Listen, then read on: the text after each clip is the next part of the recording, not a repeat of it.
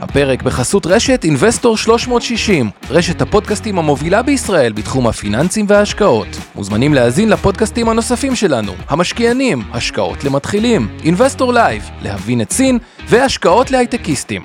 הופק ונערך על ידי שמע, פודקאסטים ויצירות סאונד. אוקיי, ערב טוב, אבנר. ערב טוב, עומר, מה קורה? בסדר גמור. אה, הנושא היום הוא נושא טעון. נושא טעון? למה טעון? כי, אתה יודע, כל פעם שמדברים על השקעות פחות טובות, אה, חלק יגידו נוכלויות, הונאות, או, או דברים פחות כאילו מוצלחים, איך מזהים אותם? זה נושא שהרבה פעמים הוא מלכתחילה, כל מיני חוויה שלילית, משהו שפעם לא הלך, הוא מונה בן אדם אחרי זה 30 שנה שלא להשקיע בכלל. כלומר, הנזק הוא כפול. כן. פעם ראשונה הנזק הוא ברמת... הפסדת בנוכלות. הפסדת, אז לא, הפסדת מה שהפסדת, לא נוחות, או גם, אגב, יכול גם לקרות מהשקעה לא טובה.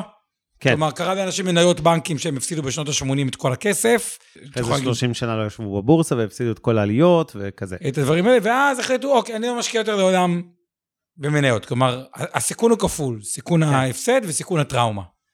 טוב, אני מציע שנתחיל כרגיל עם הג'ינגל שלנו, וכבר נתחיל את התוכנית. השקעות למתחילים. אבנר סטפק ועומר רבינוביץ' עוזרים לכם בצעדים הראשונים בעולם ההשקעות. אוקיי, אז רשמית, ערב טוב, אבנר, אמרנו... ערב טוב, חבר, מה קורה? בסדר גמור, תגיד לי אתה, אתה באת היום, אה, הולך לי מדדה, למה אתה מדדה כל כך? כי אני עושה שטויות, אני מחליק על הקרח. לפעמים הגוף שלי מתנתק מהמוח. המוח, אני בן 16, יודע לקפוץ ולעשות כל מיני תרגילים, ו... האמת מרשים מאוד, אני חייב לציין, תראו יותר. פעם את אבנר עושה, צייר לכם את הסרטון של אבנר אה, מחליק, זה ספין. אבל זהו, שהמאזיני הפודקאסט לא מבינים מה זה, אבל ספין זה הסיבוב המהיר הזה על רגל אחת, אבל ממש מהיר, שעושים איזה 20 סיבובים כאלה, אז זה אני. זה לא מסוכן, מזה לא כל כך נופלים. מאוד מרשים, אגב, מתרגלים. ראיתי אותך עושה את זה, זה מאוד מרשים, אני חייב לציין. אבל אני לא אחד שמפרגן בדרך עם כלל, אבל... הבלרינה, כן. כן. החלק המסוכן זה שאתה מתחיל לקפוץ. כי לקפוץ, אתה אמור לנחות, לא משנה כמה סיבובים עשית באוויר, אתה אמור לנחות רגל אחת. ואיך אומרים, לא תמיד זה מתאפשר. ולפעמים הגוף אבל- קצת זה- מתנתק, כמו שאמרתי, ושוכח שאתה כבר לא ילד. וזה מה אה, שקרה.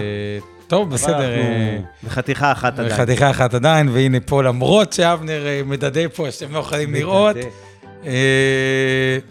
בא ומתמיד בפודקאסטים, אז נחמד. והיום באמת אמרתי, הנושא של לא ליפול בהשקעה לא טובה, הוא מאוד מאוד מאוד חשוב. אגב, גם למתחילים, גם נכון. למתקדמים. כי הסיבה היא שאני ראיתי, אחד הדברים שאחרי זה הכי מונעים מאנשים להמשיך ולהשקיע בצורה נכונה, היא חוויה מאוד מאוד שלילית שקרה להם בעולם ההשקעות. זה יכול להיות אה, הונאה במקרה הגרוע, או נוכלות, אה, וזה יכול להיות, שזה אחד, וזה יכול להיות סתם השקעה שהכל היה לגיטימי, אבל הם עדיין מחקו את כל הכסף, והזכרנו באמת לדוגמה מניות הבנקים בשנות ה-80, או כל דבר אחר, וכתוצאה מאותה חוויה מאוד מאוד קשה להם לחזור להשקיע, וזה בעיה, כי אין מה לעשות, הריבית היא אפס ואנחנו חיים הרבה, כלומר, להשקיע הפך להיות ממשהו שהוא נחמד או פריבילגיה למשהו שהוא בעצם חובה. ואחד הדברים החשובים בהשקעות היא במה להשקיע נכון כדי לעשות הרבה כסף, שזה סבבה, אבל הדבר השני הוא גם ממה להיזהר, ממה לברוח, ולהימנע. ממה להימנע. אה, אז ככה אני חושב שיכול להיות מעניין להתחיל קצת בסיפורים אישיים על השקעות פחות טובות שאני ו... תכף אה, נספר לכם, ולכל דבר שנספר הערב יש גם מוסר השכל. אנחנו לא מספרים סתם אה, אגדות עם, כל הסיפורים אמיתיים, יכול להיות שקצת נשנה, איך אומרים, פרטים אישיים של למעט הקורבנות שזה אנחנו. אז ניתן לכם כמה דוגמאות, ונדבר גם על דברים אחרים, חלק דברים שפורסמו, אבל באמת אה, ניתן כמה קווים מנחים עיקריים לאיך להיזהר ולא ליפול עם כל מיני נוכלים. או יש כאלה שאגב סתם משווקים השקעות גרועות והם לא נוכלים, אבל הם פשוט, זה השקעה אגב, זה הרוב. הרוב כן, מסכים, הם לא עם כוונה נוכלים, לגנוב הם- אתכם, הם אגב, פשוט זאת לא אומרת, יודעים מי אפילו. שמשווק השקעה, יודע מה הוא מוכר. מבין מה הוא מוכר. חד משמעית. אחת הבעיות הקשות ביותר, אגב, בעולם ההשקעות, היא שאין קשר בין, בין הבן אדם מקסים ונחמד והכול, רק הקשר בינו לבין ההשקעה, הוא, הוא בכלל לא מבין מה הוא מוכר, אגב, זה אחת הבעיות. לגמרי מסכים, זה משפט נורא חשוב. פגשתי אינסוף אנשים כוונות טובות, שחשבו שהם מוכרים מוצר טוב, ואני יושב מולם ושומע את המצגת, ורואה את החומר השיווקי שלהם, ואני קולט שזה מוצר מעפן וגרוע, ושהסיכוי שיעשה את התשואה שהם טוענים שהוא הולך לעשות, הוא קלוש. עכשיו, אני מתרשם, בהרבה מאוד מהמקרים, שבאמת יושב מולי אדם שהוא לא נוכל והוא לא רמאי, הוא לא בא לגנוב אותי או מישהו אחר, הוא פשוט לא מבין לעומק או את צד הסיכון או את פוטנציאל הרווח. ובדרך כלל, אגב, הם נופלים מצד הסיכון, כי הרווח תיאורטית, מה קורה? נגיד אם אנחנו משווקים נדל"ן או איזה קרן אה, השקעות בחובות, אז יודעים שהריבית היא X, נניח סתם 8%, בס...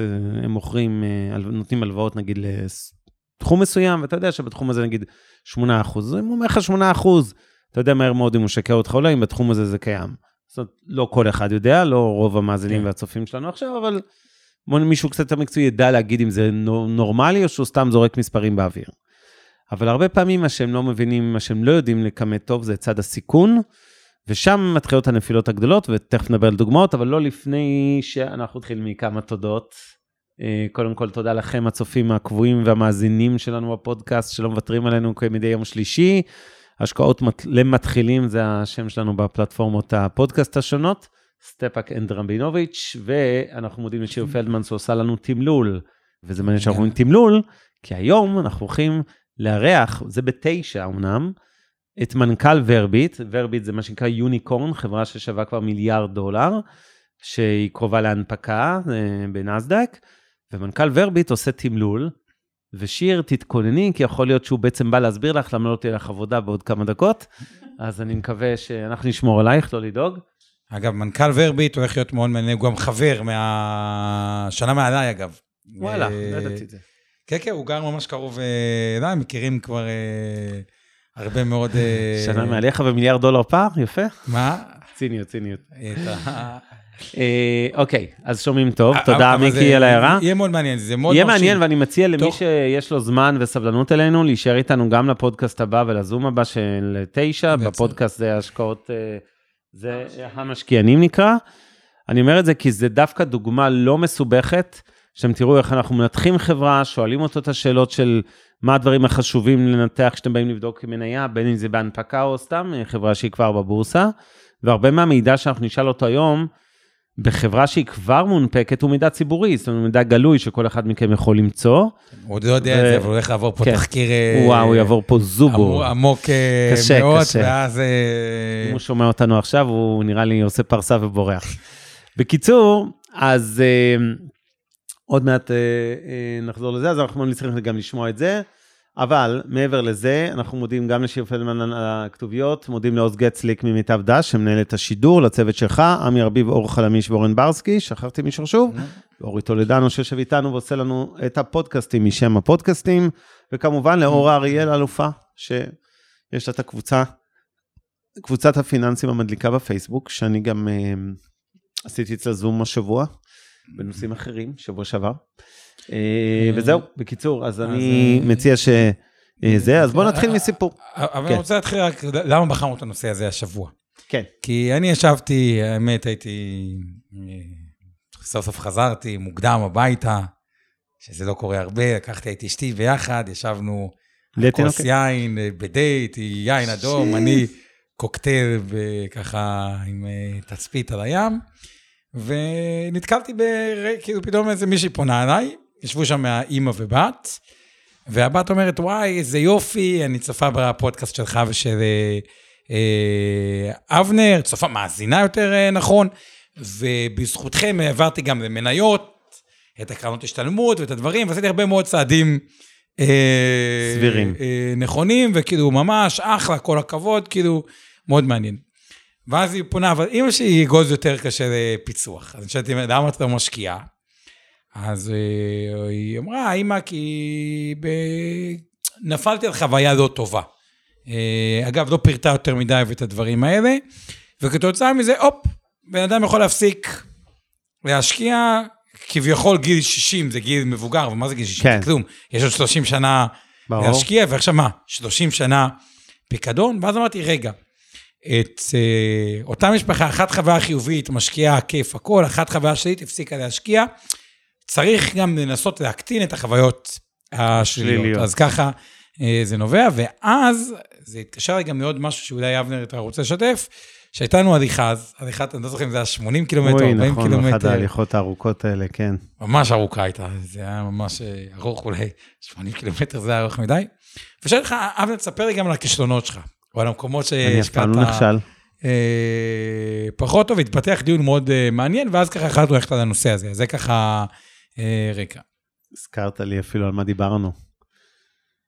איזה סיפורי זוועה מהעבר שלי. היו כמה, תתפלאו. ולמרות, כן, ומה שיפה, תראו, הוא התאושש, אבנר, ולמרות זה, הנה, השקיע ב... אה, גם דברים מאוד מוצלחים, כמיטב דש, כלומר, גם יש חוויה רעה, אפשר להתאושש מזה. אה, אכן. ראו את מקרה אבנר. רק אם נדייק, מיטב דש אה, אבא שלי הקים, אבל בוא נגיד שגדלה משמעותית. כן. אה, בתקופתי. אז אה, נתחיל מהסיפור שלך או שלי, או מה שאתה בוא, רוצה. תן לך. בכבוד, הזקנים קודם, והדרת פני זקן. אז אני אגיד ככה, אה, אני, אני אתייחס היום להרבה מקרים, ו, ובאמת, אולי הכותרת הראשונה, וזה מתחבר לסיפור שאני כבר אספר לכם, If, it's, if it sounds too good to be true, it's not true, אוקיי? אם מציעים לכם הצעה שנשמעת טוב, יותר מדי קלישאתי. טובה, היא כנראה לא נכונה. אין ארוחות חינם, בסדר? ואני אספר סיפור, בסוף שנות ה-90 אני התחיל להשקיע בסטארט-אפים. ואני לא זוכר אם זה היה 98 או 2001, זה לא היה חשוב. תקופת ההייטק. זה ה- הגל הקודם של תקופת הייטק בגיל לפני משבר הדוט קום במרץ 2000. קצת מזכיר אגב את היום, נדבר על הסמי בועה שיש היום בחברות טכנולוגיה, בטח בפרטיות אפילו יותר מהנסדקיות. ומגיע יזם, אני אוותר לו על שמו למרות שלא מגיע לו, אבל זה לא חשוב. איזה דוקטור בתחום המשהו, ביוכימיה, והוא אה, עקב אחרי דולפינים, ואתם יודעים שדולפין שוחה במים, עושה כאלה קשתות, אה, במים, באוויר, במים, באוויר, ו- והדולפין עושה את זה באותה מהירות. עכשיו, זה לא נשמע הגיוני, הרי במים יש לו חיכוך, באוויר אין חיכוך. אז אתה מניח שהוא אמור לשחות באותה מהירות, כאילו, להיות, אה, הכוונה הפוך, במים אמור להיות יותר איטי, באוויר יותר מהיר. ומסתבר שהדולפין, סיפור. אמיתי, עד כאן אין זה לא שקרים. השקרים יתחילו, אני, כשאני אעשה, כשהשקרים יגיעו, אני אגיד 3, 2, 1. בקיצור, הבחור, אה, אה, הדולפין מפריש איזשהו חומר אה, כימי שמצפה את הגוף שלו, או לא כימי, חומר ביולוגי שמצפה את הגוף שלו, והחומר הזה בעצם מקטין מאוד את החיכוך. עכשיו תחשוב שאם היית יכול לייצר תחליף, משהו דומה, אפילו על בסיס אותו חומר שדולפינים מפרישים, שמקטין חיכוך, יש איזה שימושים אדירים בתעשיות, בכל העולם השבבים, תכף נדבר על זה, וציפוי מטוסים, כי אפשר לנהל עם זה גם חום וכולי. טוב, אנחנו מגיעים למצגת משקיעים, הוא רוצה לשכנע אותנו להשקיע בסטארט-אפ. באמת הייתי שם זבוב על הקיר, עשירי המשק, היו שם כל השמות ששלטו במדינת ישראל בשנות ה-90, הגיעו לראות את המצגת. ואז אתה מגיע, ודבר ראשון שהוא מראה לך, הוא לוקח צ'יפ של אינטל, מצופה בחומר, הוא ייצר בעצם חומר כימי, חיקוי של החומר שהדולפין מפריש, והוא מביא לך את הקובייה כזו, שזה בעצם הצ'יפ מצופה בחומר, שלא מחובר לכלום, ואתה רואה שהוא קפוא מקור, אתה יושב בחדר בטמפרטורת החדר, אגב, על יאכטה, שזה היה מעבדת הניסויים שלהם, זה כבר חלק מהסימני אזהרה, יאכטה במרינה, יחד עם והוא מביא לך. הוא מביא לך כזה קובייה מצופה באיזה חומר, ואתה קופא מקור, אתה לא מבין את זה, כאילו, עכשיו, אתה יודע, הראשון, אתה אומר, אוקיי, הוא יוצא מהפריזר, נגיד, אבל זה עובר ידיים של איזה 20 איש שנמצאים שם, וזה עדיין קפוא מקור גם כשהאחרון נוגע בזה, זה לא מתחמם. טוב.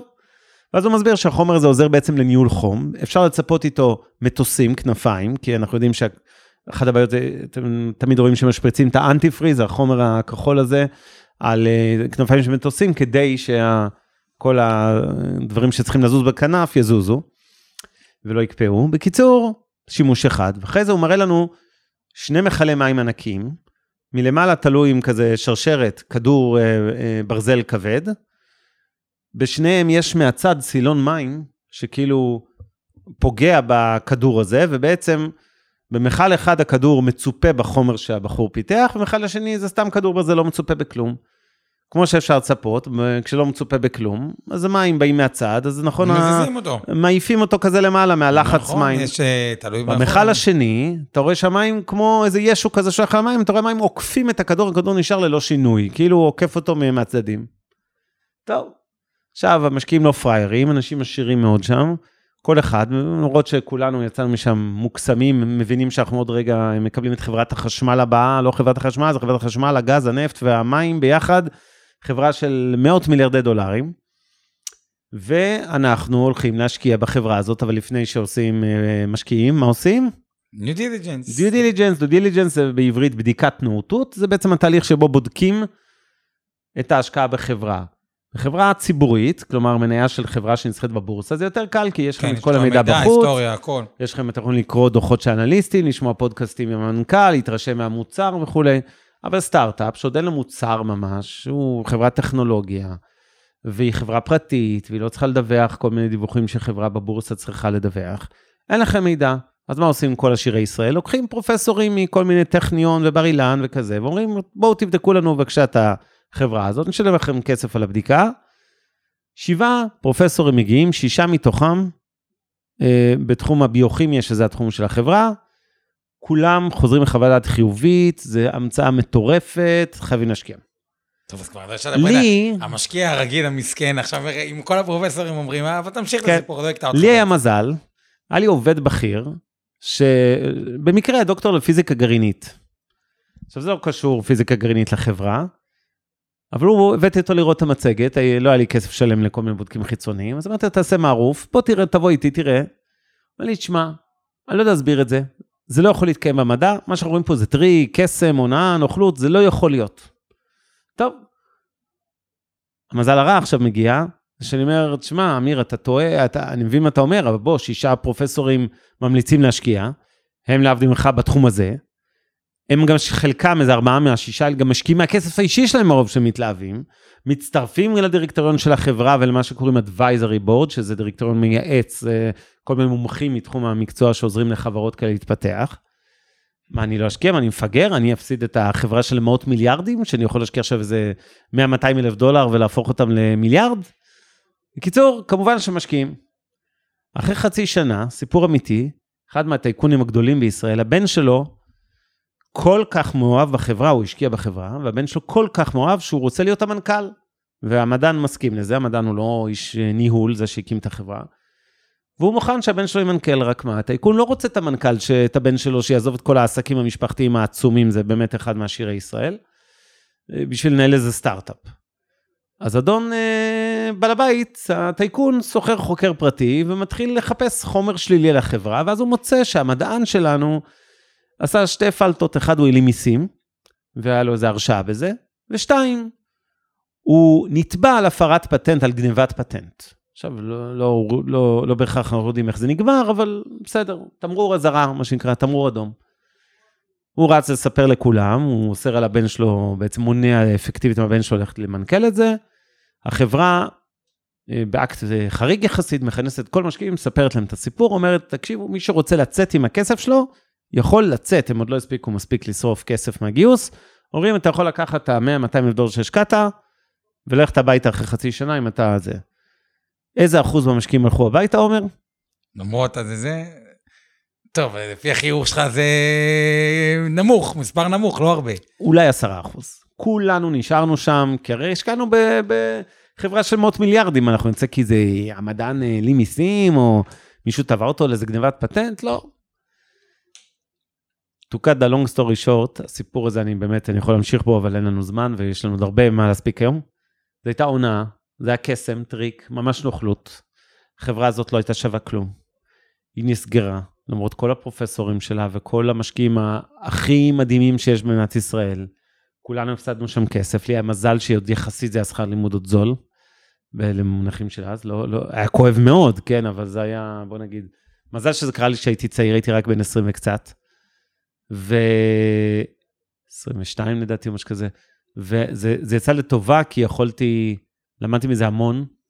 אז בואו רגע תגידי, מה, אז, מה, אז, מה, אז בוא נדבר על מה לקחים. המוסר השכל? כי פה נשמע משהו שבאמת... אז, אז את המוסר השכל הראשון אמרתי כבר, זה ש-if it sounds too good to be true, תפקפקו. לכל הפחות, זה כנראה גם לא נכון. בסדר? אם זה נראה טוב מדי, זה כנראה לא אמיתי. זה המוסר הראשון.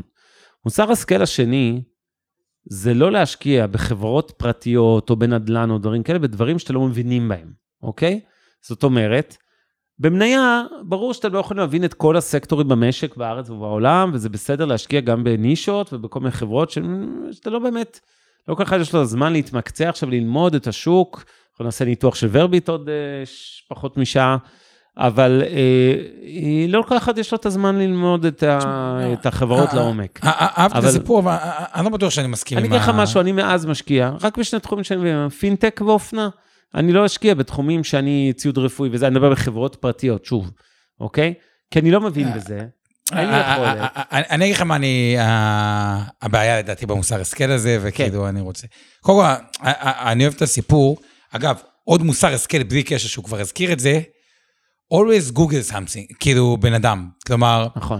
צריך לזכור לי, לא שזה אנחנו. מדברים על סוף שנות ה-90, היום יש הרבה יותר מידע היו גלוי לי בגוגל. לקוחות שהשקיעו בדברים שכאילו, אה, בדיעבד, פחות מוצלחים. ואמרתי להם, אוקיי, רגע, תנו לי לעשות בדיקה קצרה. עושה בגוגל, ומיד עולה לכם וכאילו. קופץ, לא איזה משהו אחד קטן שזה ספריית בסדר. תביעות ב... מלא, טה טה טה טה טה טה. כן. ומאז אמרתי, כל בן אדם, ב live, כשאני מדבר איתו ובודק ועושה עליו due diligence, כאילו הוא ב live, גם שהוא מולי, או לפני, או ב live, כאילו אם יש עוד נכון. מישהו, גוגלים. אני כלומר, מסכים. פשוט, זה מסר, מסקנה מאוד כאילו- יישומית וחשובה. אני תמיד, אני קורא לזה נוהל תיק תקשורת, זה אצלי, כולם יודעים פה. כל מניה של חברה, כל חברה, כל בן אדם שאנחנו בודקים אפשרות להשקיע בחברה שלו, דבר ראשון, מודיעין גלוי, לא צריך חוקרים פרטיים ולא צריך בטיח. יש לכם את גוגל, דה מרקר, כלכליסט וביז פורטל.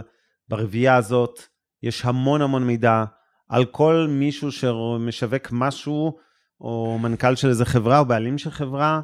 כמובן בגוגל, כל הפסקי דין, אני אגיד לך, זה גם... להקה. עכשיו זה גם אני מאוד- בסדר אם אתם תראו איזה תביעה, משהו, זה, זה לא שכל בעולם הכל צריך יחסי, לשלם, תראה, אבל... אם זה חברת אבל- שטראוס, או מיטב דש, או בנק דיסקונט, כנראה שיש המון תביעות, כי זה תאגידים עם מיליוני כן, אבל לקוחות. לראות משהו שהוא כאילו, אבל הרבה אנשים, אתה אומר דברים כאלה, כאילו יש... אה, חד משמעית, ואני רוצה לחדד, זה לא רק אנשים ש...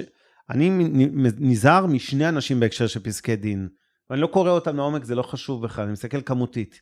לא רק מנתבעים סדרתיים, גם מתובעים סדרתיים. זה בדרך כלל טיפוסים שצריך להיזהר מהם, אתה לא יודע, אתה תיכנס שם שותף, אחרי זה הוא ינשנש אותך, נקרא לזה, ואתה תישאר אה, בלי כלום, והוא גם יתבע אותך, ואתה תצטרך לתבע אותו. סליחה. מה אתה מבסוט כל כך? אז רגע, בזמן שאבנר אה, צוחק פה, נרגע, כן. לא- לא לא הבנתי גם למה, אז אז- אוקיי. אז גוגלית, כלומר, חברה שמתעסקת בהשקעות, סתם לדוגמה, כי זה הכי פשוט, מן הסתם מצופה שיכול להיות שיהיה תלונה, אי שביעות רצון, משהו, זה בסדר, בעיקר. אבל אם יש שם אלף פורומים או, או, או, או דברים, אז יש פה בעיה. הדבר שאני רוצה, אוקיי, סיפור, אה, אתה רוצה עוד להשלים משהו, לא, הסיפור יש הבא. הרבה, אוקיי. אבל בוא, תורך. אה, אני רוצה לספר לכם גם אה, נושא של common sense, כלומר, יום אחד בא אליי לקוח, ובהקשר הזה דווקא אני רוצה לדבר על הנושא של התשואה המובטחת, או עסקאות או-אה, ריבית. איזה משפט נוראי. אוקיי, וגם מוצלחת. אני, שם אם היה לי נפילה בחיים, זה יותר באלמנטים האלה. אבל, אבל בגדול, בא בן אדם, והבטיח ללקוח תשואה של, הבטיח, הוא אמר, זה ריבית, 15% בשנה, זה החברת נדל"ן ב, אה, בארצות הברית, וזה לא היה עוד הלוואה שאפשר להבין אותה, כלומר, בעולם ההלוואות יש לך הלוואת פרסט, כולם יודעים שפרסט נותן בערך שמונה, אוקיי? אה, כאילו, למשקיע יכול להישאר שמונה. שמונה אחוזים. שמונה אחוז, אם זה בארץ, אולי שקלי קצת פחות, ההלוואה נותנת עשר, תשע, דמי ניהול, כאילו נשאר שמונה אחוז עולם של פרסט. יש עולם של מזנין, למי שלא מכיר את עולם בוא ההלוואות. נסביר את המושג הזה. זה חוב שני, כלומר... חוב יותר מסוכן. חוב. כן, זה קצת מטעה עם הפרסט וזה. השכבה הכי מסוכנת זה המזנין. נניח שהיא לא, ה equity, ה equity הכי... ה equity, כן, סליחה. equity זה הון, אחריו יש mezzanine, אחריו יש first, ואחריו יש senior. senior זה החוב הכי, הכי בכיר, שזה אומר שהוא נותן את התשואה הכי נמוכה, את הריבית הכי נמוכה. נניח יכול להיות דוגמה, equity נותן 25 אחוז, ה mezzanine ייתן 17 אחוז, ה senior ייתן 8, 9, 10, וה... סליחה, לא ה senior, ה first ייתן 8, 9, 10, וה senior ייתן נניח 5 אחוז. כן, לדוגמה. עוד שלפעמים הפרסט גם אין אה, זה, אבל-. נניח. ה- ה- הנקודה היא כזאת, אוקיי? כשנותנים כמה קרנות, או, או, או כל מיני דברים כאלה, קרנות חוב בריבית גבוהה, או בכלל עסקאות בריבית מאוד מאוד גבוהה. אז הרבה פעמים אנשים אומרים, מה אכפת לי? ככה הוא אמר לי, מה אכפת לי? הוא אמר 15 אחוז, מה אכפת לי? אה, אה, אה, כאילו, זה ריבית, מה יש לבדוק? עכשיו, אני לא אומר שאין עסקאות בריבית גבוהה, הנה יש לכם פה את מיטב, את ליקווידיטי, גם יכול לתת לסטארט-אפ בריבית 20 אחוז, נכון. או, או את הדברים האלה. אבל אם אין סיפור מאחורי למה שהחברה תיקח הלוואה בריבית גבוהה, נכון. כלומר, אה, לדוגמה, עסק מסורתי, עסק רגיל, אם יש לו הלוואות של 20% בשנה או 15% בשנה, הוא לא עסק שצומח בצורה אקספוננציאלית, אין איזה, כאילו, אין לזה תוחלת, עסק רגיל לא יכול בכלל. לשלם ריביות של 15-20 ו- אחוז, כי הוא יפשוט רגל, כן. בדיוק, אם מיטב תשלם 15-20% בשנה, לא נהיה קיימים. כן. זה, זה, זה, זה, זה, זה, בעיה, ברור. א- א- אין לזה הצדקה. ובהיבט הזה, כלומר, כל מי שמציע לכם אה, עסקאות הלוואה, ואומר לכם, מה אכפת לכם? זה הלוואה. אה, מהבחינה אה, אה, הזאתי, אז אחלה. גם, ב, כל מה שאני אומר זה, גם בעסקת חוב, שיהיה אכפת מה הסיפור. כלומר, ברור שמי שמשקיע ב equity, בהון, הוא רוצה שהחברה תצמח והוא יתעניין יותר. הדבר השני שראיתי לא מעט רגע, אנשים מנוסים, כאילו נפגמים, דווקא כשהם נתנו אה, הלוואה. כי כביכול בהלוואה אתה אומר, מה יש לי לבדוק? זה הלוואה, זה, זה, זה זה חוב. יחזור, זה לא מה? equity, אין לי מה זה, לבדוק. זה, כי זה יחזור. לא מעניין אותי מה ו- החברה עושה, במה היא מתעסקת, תצמח, לא תצמח, אני בסך הכל מלווה לה. כסף ורוצה את הכסף ו- חזרה עם הריבית שהבטיחו לי. אגב, ובגלל זה אנשים מופתעים גם לפעמים באג"ח, השקעתי באג"ח, היה דוגמה, אגב, זה נכון גם לגבי השוק הלא שכיר, וגם וגם. לגבי השכיר, כלומר, היה עסקה פה בארץ, נקראת סטארווד, כאילו אג"ח, שנתנו הלוואה חוב שני לקניונים הכי גרועים שיש, קלאסי, ונתנו שש. אז מה, מה, מה, מה, שש לדירוג הזה, זה נראה טוב, בסוף החזירו 14 אגורות. כלומר, לשקל, כן? לשקל, כאילו גם בשוק- אה, 86 גם בשוק. ה- ה- השכיר, כלומר, אה, הנושא הנוסף, עסקאות הלוואה, גם, אני לא נגד, אנחנו בעד חוב פרטי על חשבון חוב ציבורי בהרבה קרנות, אבל גם שם נבין את הסיפור. זה ככה נקודה שנייה, כן. לא סיפור כזה מעניין, אבל... אני אני רוצה להדגיש משהו לגבי חוב. כשמציעים לכם השקעה בהלוואות, לקנות הלוואות, קרן של הלוואות, הלוואות ספציפיות חלילה, אז, אה, ואני מדבר על הלוואות פרטיות, לא לגרות חוב שהן בבורסה, למרות שהפרינציפ דומה. קודם כל, הדבר הראשון שצריך לבדוק לעומק זה את נושא הביטחונות. וזה נכון לא רק לחוב, אלא הרבה מאוד דברים, כי הרבה פעמים אומרים לכם תשואה מובטחת. צמד מילים שהזכרת קודם, כן, זה זה לא... לא- האסון זה- הכי גדול. כשמישהו אומר לכם תשואה מובטחת, אני אומר לכם בטיפ קטן ממני, ויברח. לברוח. פשוט לברוח. אין מושג כזה תשואה מובטחת, אין שום דבר. גם ממשלת, גם ממשלות יכולות ליפול, אז בטח שבטח עסקים פרטיים. ואנשים שמסתובבים עם הביטוי תשואה מובטחת, תודה רבה, אני מתקדם הלאה, אל מה- תבדקו, אל תבזבזו את הזמן, אין מושג כזה. ואז הם מתחילים להסביר לכם, אבל רגע, אנחנו נותנים לכם ערבות, נותנים ביטחונות. עכשיו תגידו לי ברצינות, אתם חושבים שמישהו היה מביא לכם ערבות, ערבות מבנק, לא ערבות מעצמו, אה, מהחברה שלו שתפשוט רגל. הוא היה לוקח כסף מכם בריבית אטרקטיבית, עוד עם ערבות, כשהוא יכול ללכת לבד, למה הוא צריך לשתף אתכם בחגיגת הרווחים שלו? הוא ילך לבד לבנק, ייקח הלוואה מהבנק, ישקיע במה שהוא רצה למכור לכם בעצמו, לא צריך ערבויות. אם הוא כזה גיבור גדול, הוא לא יבוא למשקיעים תמימים אה, לקחת מהם אה, השקעות ולהבטיח להם סיפורי סבתא. זה אגב אחד הסיפורים העיקריים מאחורי כל תעשיית הקרקעות החקלאיות, כן?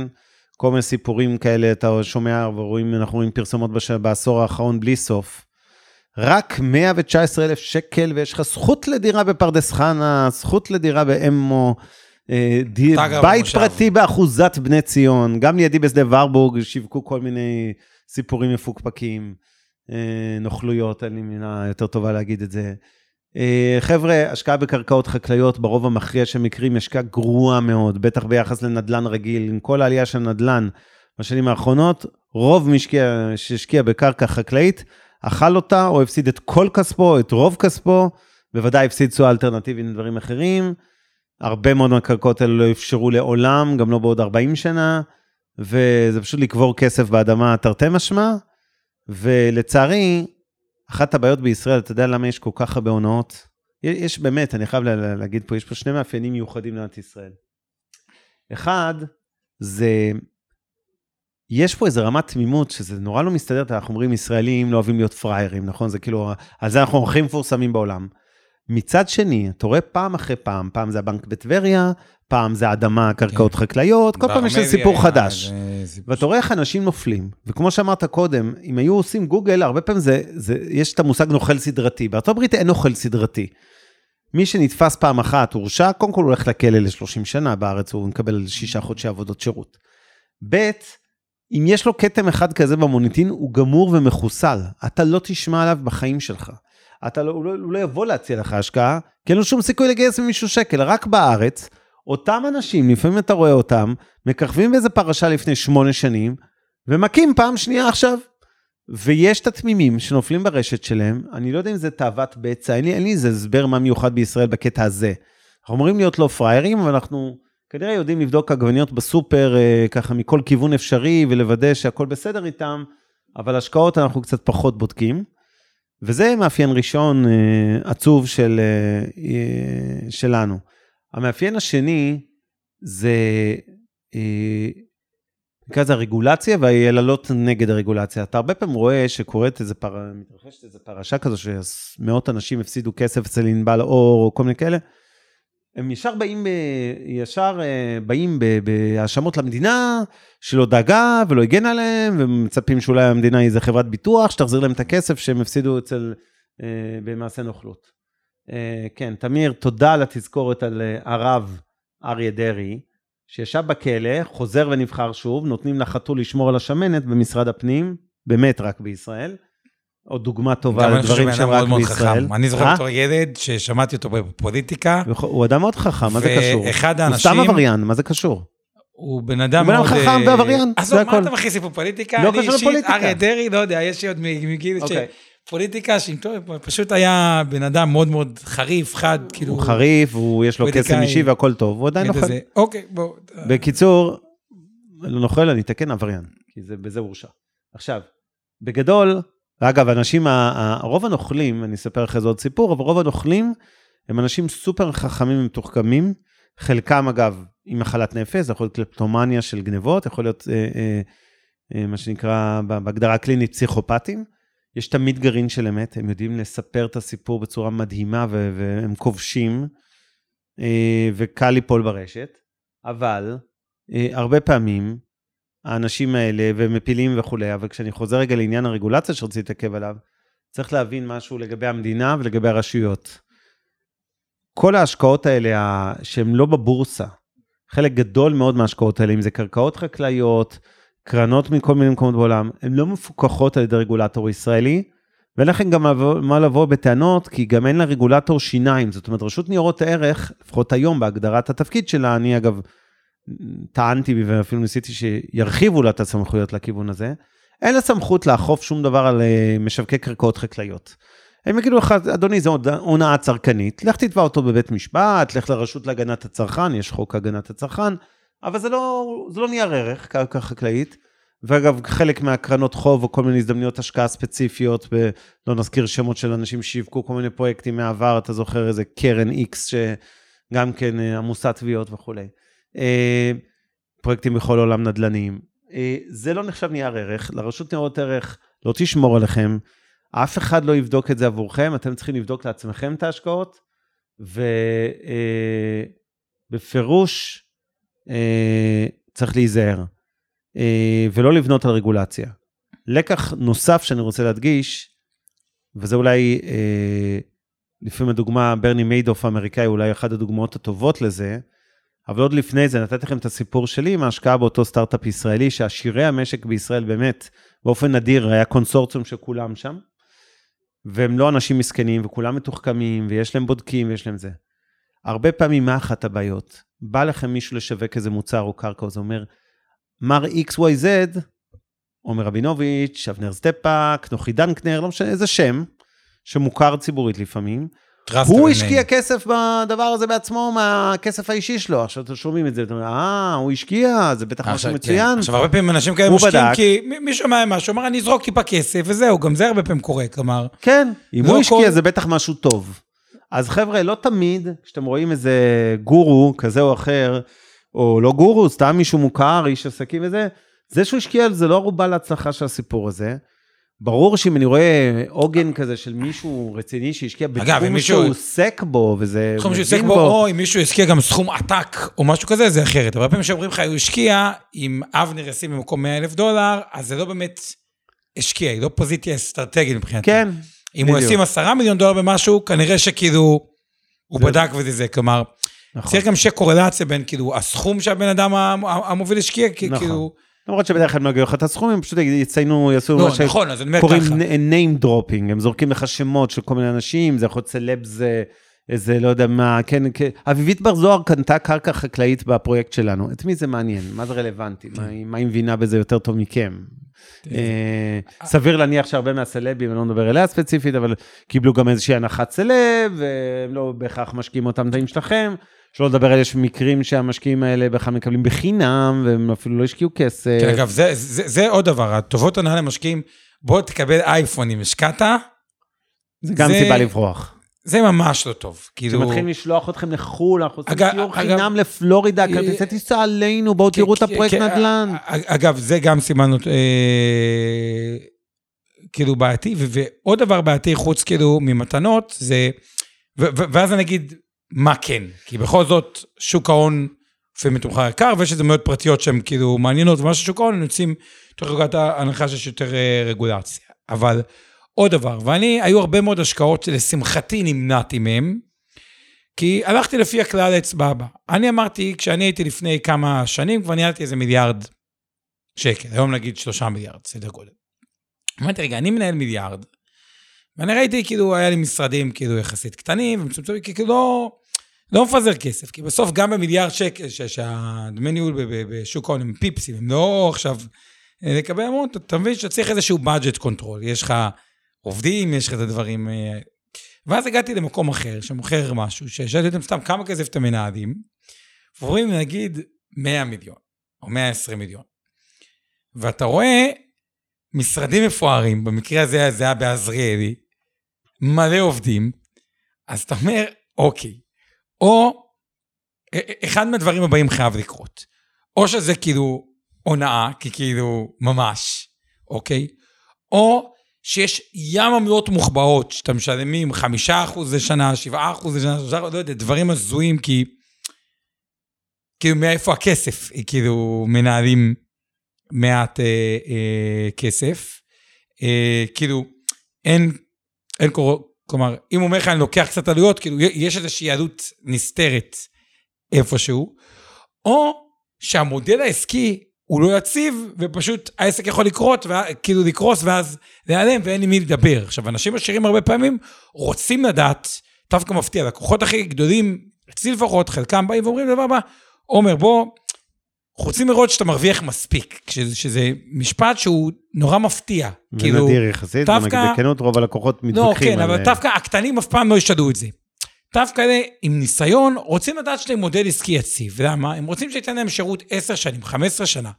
בן אדם אומר, תחשוב, אני נותן לך שירות. אתה- אתה- אתה רוצה שאני אתן שירות ושאני אהיה יציב. אתה לא רוצה שמי שנכנס לך למערכת יחסים אינטימית, תצטרך להחליף אותו כל 3-5 שנים. נכון.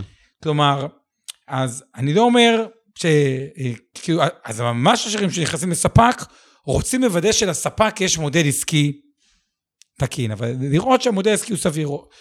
אם אין קשר בין גודל העסק שמציע לכם לבין הפנסי או הדברים או הדברים, יש פה איזושהי בעיה אינהרנטית. נכון. אז אני חושב שזה זה גם מזכירים לנו פה בצ'אטים את המקרה של, אה, דיברנו קודם על סלבס והשימוש בהם בשיווק השקעות.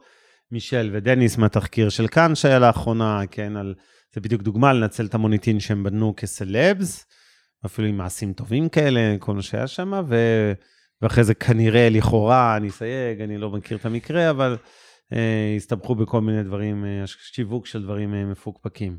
עכשיו, אה, אז קודם כל, אה, אסתי מדליקה אותי, נשבע לך. את, את כל כך אסתי, צודקת, אסתי, אני לא יכולה, את מבינה שאני לא יכול עכשיו. לדבר על זה, אבל את צודקת אלף אחוז. סליחה, יש לי, לפעמים יש לי הפרעת קשב וריכוז, וכשאנשים כותבים דברים כמו שהיא כותבת בזה, אה, לא משנה, אז אני ממש מרגיש שזה זה מקפיץ לי את הפיוז והיא צודקת. סליחה שאני אומר לה שאת צודקת ולא מסביר לכולם על מה, אבל אה, אני כן, באמת כן. אה, בבעיה להגיב, כי אני אה, בעל עניין. אה. אבל בקיצור, אז, אז קודם כל באמת, אה, אה, צריך ל, באמת קצת לדבר טיפה על הנושא של המודל העסקי. אה,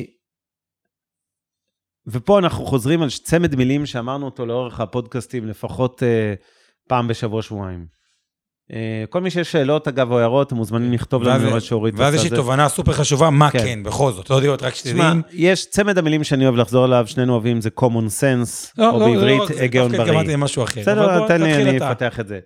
common sense אומר שכשמציגים לכם איזושהי השקעה פרטית, וזה לא משנה אם זה פרויקט בברוקלין, או בספרד, או בפורטוגל, או איזה קרן חוב, או קרקע חקלאית, או כל דבר אחר, חלק גדול מהם השקעות לגיטימיות ומצוינות, וחלק, אה, לצערנו, נוכלויות.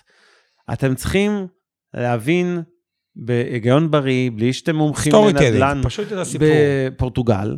אה, האם מה שמספרים לכם נשמע הגיוני? אם זה לא נשמע הגיוני, גם כן, לברוח. אתם לא, אתם לא צריכים, זה, אין, אין, בואו, אה, בנדל"ן, אם מישהו מספר לכם לדוגמה שאתם תעשו 20% לשנה, אז שילוב של שכירות ועליית ערך, אתם יכולים לנפנף אותו כנראה די בקלות. כי- דווקא נשבע לך, אבנר, על נתונים אמיתיים של לקוחות שלי. לא, אבל זה בדיעבד, אתה לא היית ראיתי מוכר. מלא פרויקטים אני שהסתיימו גם ב-20% מסכים לשנה. איתך, אבל אתה לא, לא היית בא ועכשיו מוכר על השקעה חדשה לאיזשהו לקוח, ואומר לו, שמע, זה השקעה לחמש שנים, הצפי שלנו זה 20 אחוז להכפיל את לשנה. הכסף עד ההון.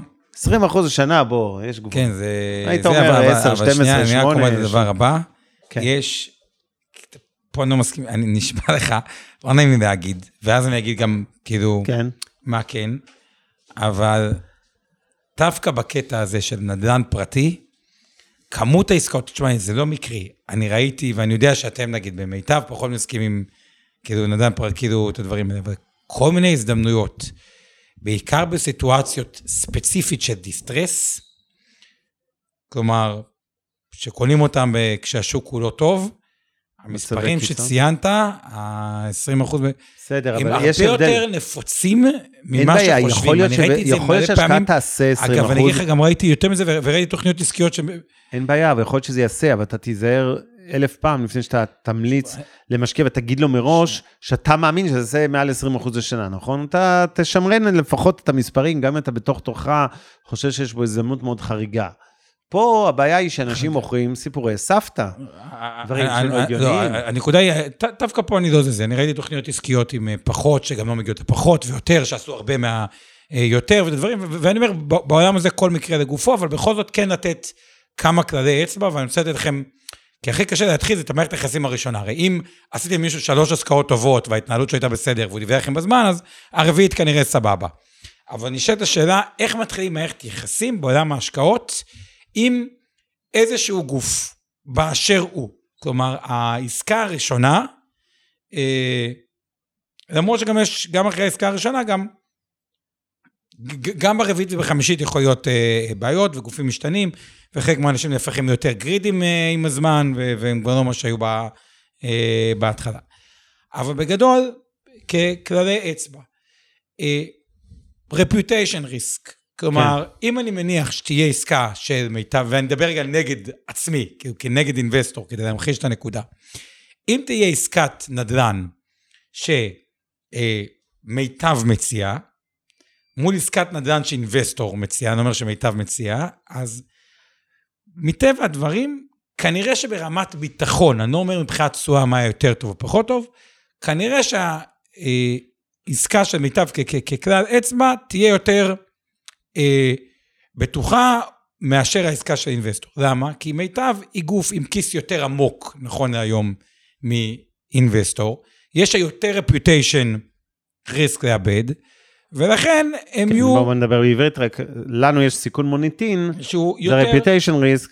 זאת אומרת, אנחנו נבדוק פי באלף פעם לפני נכון. שנמכור איזושהי השקעה למישהו. נכון, אגב, יכול להיות גם לרע שאת עדיין ההזדמנות אנחנו יכולים בזמן... להיכשל, אבל בוא נגיד זה מקטין את ה... נכון, יכול להיות זה שיכול להיות שהזדמנויות בזמן אמת שקורות והן הכי טובות, גם גוף גדול לא ילך עליהן כי הוא לא מספיק זריז לקחת אותם, אבל כי כי יש יותר מנגנונים, כלומר יש לזה גם חסרונות, לא רק יתרונות, כנראה שבתוך משבר הם יהיו לפעמים... אה, זה, אבל זה יותר בטוח.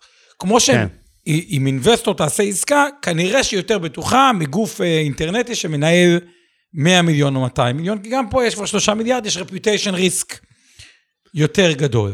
זה אז- ברור, אבל נגעת בנקודה חשובה וזה reputation, ואני רוצה להגיד את זה גם מהכיוון הפוזיטיבי. כשאתם רואים בהשקעה, אתם שואלים, אחת השאלות הראשונות שאני שואל זה, תגידו, מי מושקע בזה כבר?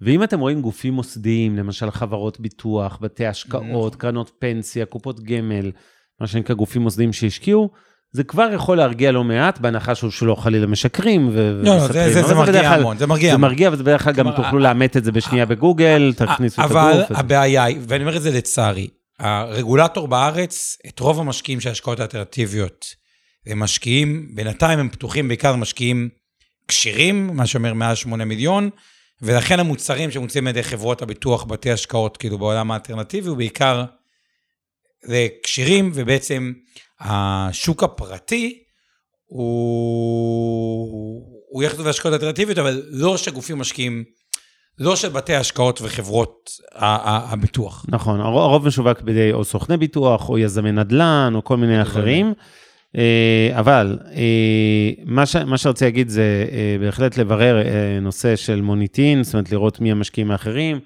כאמור, דיברנו על אה, לוודא על אה, מוניטין של אה, אחרים.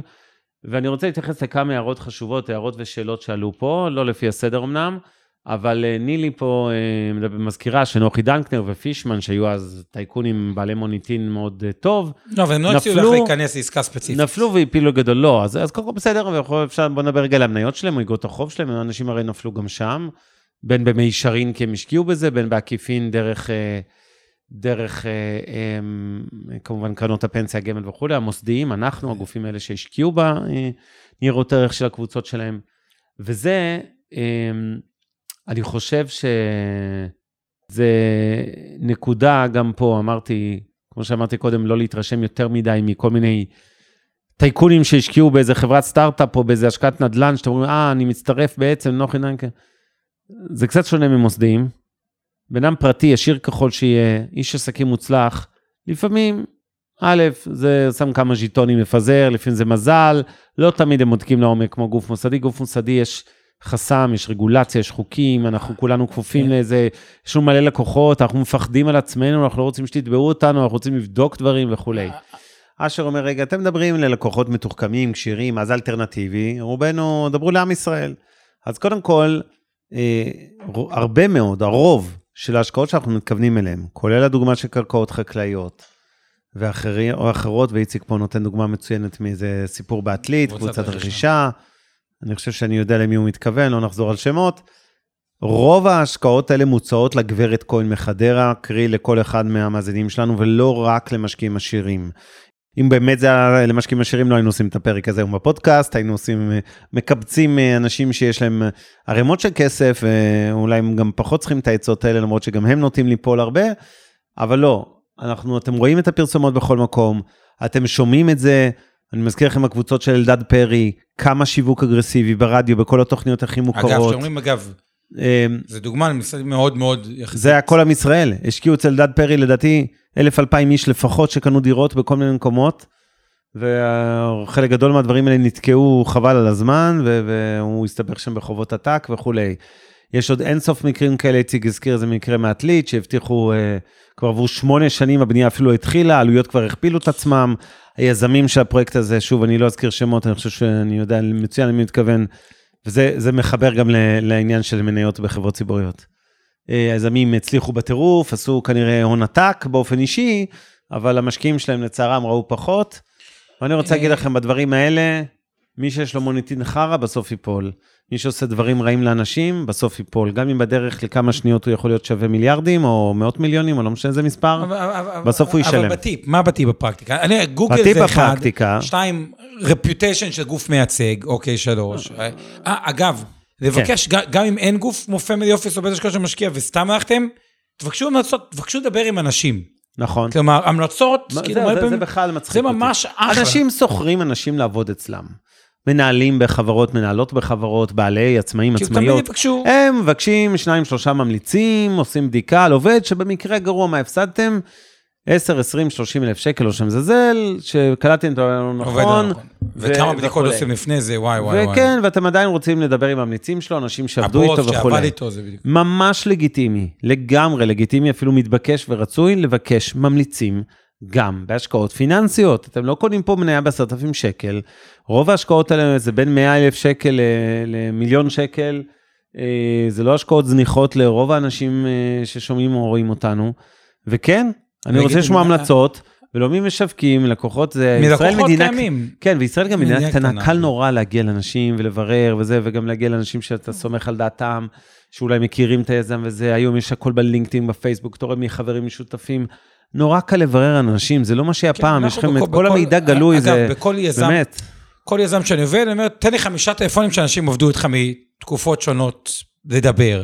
כמה כסף הם זו, היה יזם שהתחלתי לעבוד בפעם הראשונה, דיברתי עם בן אדם שבאמת השקיע אצלו מיליון, קיבל שלושה מיליון אחרי שנתיים. אמר לי, אישר לי את זה, לא משנה, זה סכום הזוי, אבל הרבה יותר מה... מ-20 אחוז, אבל כל הזמן לבקש. א- אותו דבר, נגיד לקוחות גדולים שמצטרפים אליי, וואלה, מבקשים לדבר עם לקוחות בסדר גודל שלהם. עכשיו, לפעמים זה לא הכי נעים, ולקוחות גם ממליצים בכיף, סך הכל אנשים נהנים להגיד, כאילו, אם יש להם שירות טוב, בואי ככה, מי שעשו עבורו שירות טוב, אם יש לי לקוח שעשיתי את השירות ממש ממש טוב, וכנראה אני אבקש ממנו להמליץ עליי, בדרך כלל הם אומרים כן. ואני לא מדבר פה עכשיו על עסקה של של 100 אלף דולר, בן אדם שיש לו כמה עשרות מיליונים ומבקשים זה- זה שימליץ, באמת לא הקהל שלנו היום, לא, כן. זה כאילו מוזר, אבל גם הם, אם נתת שירות טוב, ימליצו עליך בכיף, כי נכון. כאילו, אנשים אוהבים, אין להם בעיה לפרגן לשירות טוב. מתי הם לא אוהבים להמליץ, או לא מרגישים בנוח? אם הם לא קיבלו שירות טוב, והתוצאות לא היו טובות, ואז כאילו, לא יהיה, אני אני מסכים, בואו נמשיך רגע, התחלנו לעשות את הרשימה של הנקודות של... כן, ואנחנו זה, אז ממש השלישית ככה- הייתה אה, המליצי, אה, ממליצים, ואנחנו לקראת הסוף. אה, אני רוצה להגיד אה, עוד דבר, כי שאלו פה אה, שאלות לגבי, וזה המספרים. זה נקודה מספר 4, זה מה המספרים שמדברים איתכם. שאל אשר, איזה ריבית על הלוואות למשל, אוקיי? השקעות בחוב, מה הריבית שניתן לצפות שתהיה הגיונית. עכשיו, פה יש עולם די רחב. אנחנו למשל מיטב דש מלווה היום כסף באירלנד ב-13 אחוז, זו ריבית מאוד גבוהה, עם חוב ראשון אגב. כן, עם ביטחונות של נדל"ן וכולי. ואתם יודעים שאיגרות חוב אה, בבורסה נסחרות בשואף לאפס, למשל, ולפעמים אפילו בלי ביטחונות. אז זה תלוי בפעילות, אבל אם אנחנו מדברים, בואו ניתן דוגמאות כדי שאנשים יבינו מה, מה נחשב סביר ומה מה שנקרא לא הגיוני, אפרופו common sense, ועדיף לברוח. נדבר על קונסיומר קרדיט, זה אשראי צרכני, גופים שמוכרים הלוואות למשקיעים אה, פרטיים, נגיד בארצות הברית, יש הרבה קרנות ישראליות שמוכרות אשראי צרכני, יש את טריה בישראל שעושה את זה בישראל, בלנדר, אחרות. התשואות בדרך כלל, זה כמובן משתנה מבין תקופות, אבל ינועו ארבע נטו. נטו, אחרי דמי אחרי ניהול מס, וכולי. עזוב, חמש. חמש לפני, בוא נדבר בלפני מס. חמש, נגיד חמש. זה חמש, זה יכול להיות שש, לא יותר לא, לא מזה, לשש. אוקיי? זה אשראי צרכני, תלוי בתקופה, היו תקופות כן, שש, כן, לא נכון, משנה, אז זה סדרי גודל חמישה-שישה אחוז, אשראי צרכני זה השקעה יחסית סולידית, לא סופר סולידית, אבל זה בדרך כלל תיק שמפוזר על עשרות אלפי הלוואות, שאתם מחזיקים איזה פירור ממנו, ו- ויש פיזור רחב וכולי, אז נגיד זה חמישה-שישה אחוז. אשראי עסקי יכול להיות בין שבעה לתשעה אחוז נגיד אחרי דמי ניהול ולפני מס שוב.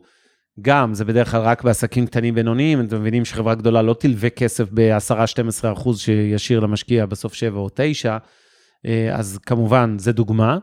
נדיר מאוד שאתם תקבלו בהלוואות, אוקיי? לא מדבר על נדל"ן, לא מדבר על מניות, על הלוואות. מעל 10 אחוז נטו לפני מס, זה צריך להיות נורה גם- אדומה משמעותית בעיניי. אגב, גם פה, לא תמיד מסכים, כל, כל מקרה לגופו, כי, כי, כי אני אומר את הדבר הבא, כי- כאלה. כי, כי באופן אבסורדי, דווקא לפעמים בפרויקטים, הכי טוב, זה כמו שבאירלנד אתה נותן ב-13. אז אני אומר, יש חריגים, אבל את אלה. צריך לבדוק כל- כל מה שאני אומר זה את הדבר לעומק. כן. הבא, אוקיי? כמו בכל דבר שאומרים בחברה, הנה, אתם תשמעו עוד מעט את השיחה עם תום, שאנחנו המנכ"ל אה, עושים. על אה, מנכ"ל של ורביט. בסוף, משקיעים בין השאר בהנהלה, באנשים, בצוות, כאילו, מי האנשים. אני חושב שהדבר הכי, אה, הטיפ המרכזי, הוא להסתכל אחד על ה story של כל השקעה בפני עצמה, אגב, גם במניות, נכון. כלומר, מה הסיפור? ושתיים, ה- היכולת אקזקיוט. אקזקיוט זה אקזקיוט, המון רעיונות, סטארט-אפים, חברות, הכל נופל על יכולת, הביצוע של הביצוע. המנהלים. וככל שיש יותר רפיוטיישן, יותר המלצות, יותר דברים, שבן אדם בסוף, המשפט, לא נעים לי להגיד, יש אנשים שהם פשוט תותחים, ויש אנשים שהם לא. והרוב, לא נעים להגיד, הם כאילו, לא, כלומר, זה לא נשמע טוב מה שאני אומר, אבל יש פה איזשהו משחק בין כאילו מוטיבציה של בן אדם ליכולת, ו, ולראות האם בן אדם עשה את זה, כאילו מה, מה הרפיוטיישן, מה ההמלצות, מה הדברים האלה. בן אדם, שורה תחתונה, אם למישהו יש המלצות טובות פה- פעמים, הוא כנראה... מעבר לממליצים שדיברנו על זה, כן, גם בהשקעה של של 100 אלף שקל, לא עורכי דין ולא רואי חשבון, לא הייתי מתחיל לשלם אלפי שקלים לבדיקות, אבל כן בפירוש, כולל בפייסבוק, הציעו לי את ההצעה הזאת והזאת, מישהו מכיר, תאמין לי, בחמש שניות מישהו יענה לך, כן, אני מכיר, זה אחלה, או כן, אני מכיר, תיזהר, סכנת נפשות. לא כזה מסובך בעולם הגלובלי שלנו היום והקטן, להגיע די מהר גם לממליצים, גם לאנשים, לכתוב בפייסבוק, הנה ההצעה שקיבלתי, מי שמכיר שיענה לי בפרטי, כאילו אולי לא נעים לכתוב בציבורי. יש, תאמינו לי, לא צריך להיות גאון גדול בשביל להגיע למידעים האלה.